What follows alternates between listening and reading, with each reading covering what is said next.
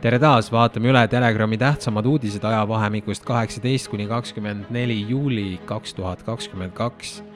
lisaks toome välja kõnekamad artiklid Eesti peavoolumeediast, millest alustamegi.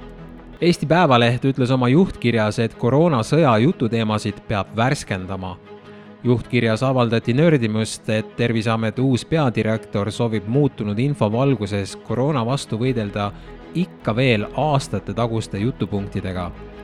Päevalehe toimetus aga tõi välja kolm punkti, mida tegelikult tuleks järgida. esiteks tuleks välistada ulatuslik õpilaste distantsõppele saatmine, kuna sel pole mõju viiruse levikule ning see mõjub halvasti nii laste vaimsele tervisele kui ka õpitulemustele teiseks tuleks ära elanud meetmeks lahterdada ühiskonda lõhestanud koroonatõend, kuna lootus, et vaktsiin peatab ka viiruse leviku, ei täitunud. Kolmandaks tuleks lõpetada vaktsineerimisega seoses inimeste sildistamine ja ähvardamine ning massikampaania asemel keskenduda riskirühmadele. toimetus leidis oma juhtkirja lõpetuseks, et koroonavõitluses ei ole õige olla dogmaatiline, vaid tuleb sallida arvamuste ja hinnangute paljusust Delfi Forte avaldas aga Kersna skandaali jahmatava tahu. Ministeerium ostis Eesti koolidele müügilt kõrvaldatud kiirteste. vähe sellest, et Haridus- ja Teadusministeerium ostis möödunud aastal miljonite eurode eest koolide tarvis kiirteste riigihangete normide vastu räigelt eksides, nüüd on ilmnenud, et suure kiirustamise tagajärjel saadi oma teadmata asjaoludel välja valitud ettevõttelt testid, mis olid tegelikult saanud külge märke müügilt kõrvaldatud kui nüüd arvestada seda, et professor Irja Lutsari sõnul kiirtestimine koolides viiruse levikule mingit mõju ei avaldanudki, siis võtab kogu see jant veel eriti kuritegeliku mõõtme. ja jätkame Telegrami artiklitega.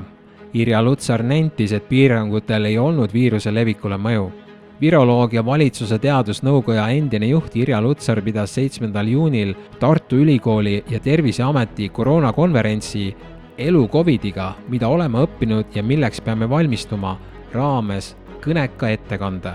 professor Lutsar näitas, et piirangud ei mõjutanud suremust, näomaskide kasutamine nooremas vanusegrupis ei omanud mingit tähtsust ning oli ka vanemas vanusegrupis pigem marginaalne samuti ütles naine, et maski kohustuse, koroonatõendi ja koolide kiirtestimise kasutusevõtul ei olnud viiruse levikule mingit mõju huvitav, et neid samu jutupunkte on Telegram käianud juba kaks ja pool aastat ma näitan Eesti nakatumise, eh, nakatumise kõverat, et Eestil on üsna selline Euroopa kõver.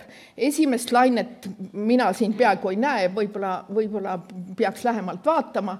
siia ma panin ka siin viimase laine ajal pandud eh, koroonatõendi, kuna koroonatõend sisse viidi, kuna maskid viidi, kuna koolide kiirtestimine viidi, siis eh, kui varasemalt see, need piirangud nagu oli väga selgelt, piirang viidi sisse, mõju oli näha, siis minu, mina siit mõju väga hästi ei näe. doktor Ilona Trikit, kõigile koroonasurmadele tuleks teha ekspertanalüüs. Telegrami podcastis ütles Eesti kohtusüsteemis ekspertarstina töötav doktor Ilona Trikit, et koroonapiirangute vältimiseks ja nii-öelda vana normaalsuse taastamiseks tuleks tagantjärgi kõikidele koroonasurmadele teha ekspertiis ja välja selgitada, mis oli tegelik surma põhjus, seda enam, et ka Terviseameti andmetel oli üheksakümmend üheksa protsenti positiivse koroonatestiga surnutest kaasuvad haigused. mina ütleks nii, et see on ju tegelikult meie kõigi huvides. EMA-d survestati kiirustama Pfizeri vaktsiini heakskiiduga ohutuse arvelt. lekkinud Euroopa Ravimiameti ehk EMA dokumendid näitavad, et kui vahetult enne tingimusliku müügiloa andmist selgus, et Pfizeri koroonavaktsiin ei pruugi vastata ohutusnormidele, siis vaktsiini parendamise asemel lihtsalt alandati norme. jokk avaldatud e-kirjades on näha selliseid nimesid nagu EMA bioloogiliste terviseohtude ja vaktsiinide strateegia juht Marko Cavaleri Pfizeri tegevjuhi Albert Bourla ja Euroopa Komisjoni volinik Ursula von der Leyen. pesuehtne korruptsioon kõige kõrgemal tasemel. Amsterdami kesklinnas toimus kahekümne kolmandal juulil suur põllumeeste meeleavaldus. samaaegselt toimusid farmerite blokaadid maanteedel, kus osalesid hinnanguliselt kümned tuhanded põllumeeste kriitika kasvas pärast seda, kui Hollandi valitsus kuulutas välja sisuliselt sundvõõrandamisega päädiva põllumajandusreformi. põllumeeste liitude hinnangul tähendaks reform seda, et kariloomade arvu tuleks drastiliselt vähendada ning lõppastmes loobuda ka oma maadest, ehk täpselt see, mida Maailma Majandusfoorum ja Klaus Schwab on juba aastaid kuulutanud. sa ei oma midagi ja oled õnnelik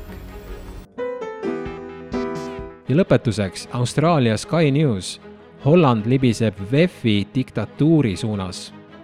Austraalia uudistekanalis räägiti ilustamata, et Holland näib libisevat peaminister Mark Rutte ajal diktatuuri, kuna selle valitsusse on tunginud Maailma Majandusfoorumi globalistlikud aktivistid.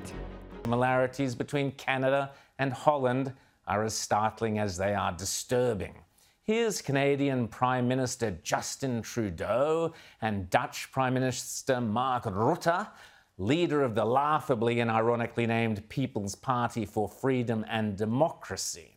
Apart from obviously sharing the same wacky lefty sense of humour, those two both are, of course, golden pin-up boys for Klaus Schwab and the globalist fantasists of the World Economic Forum. Need olid Telegrami uudised möödunud nädalast. tule kapist välja ka sina, me kõik teame, et see on hauks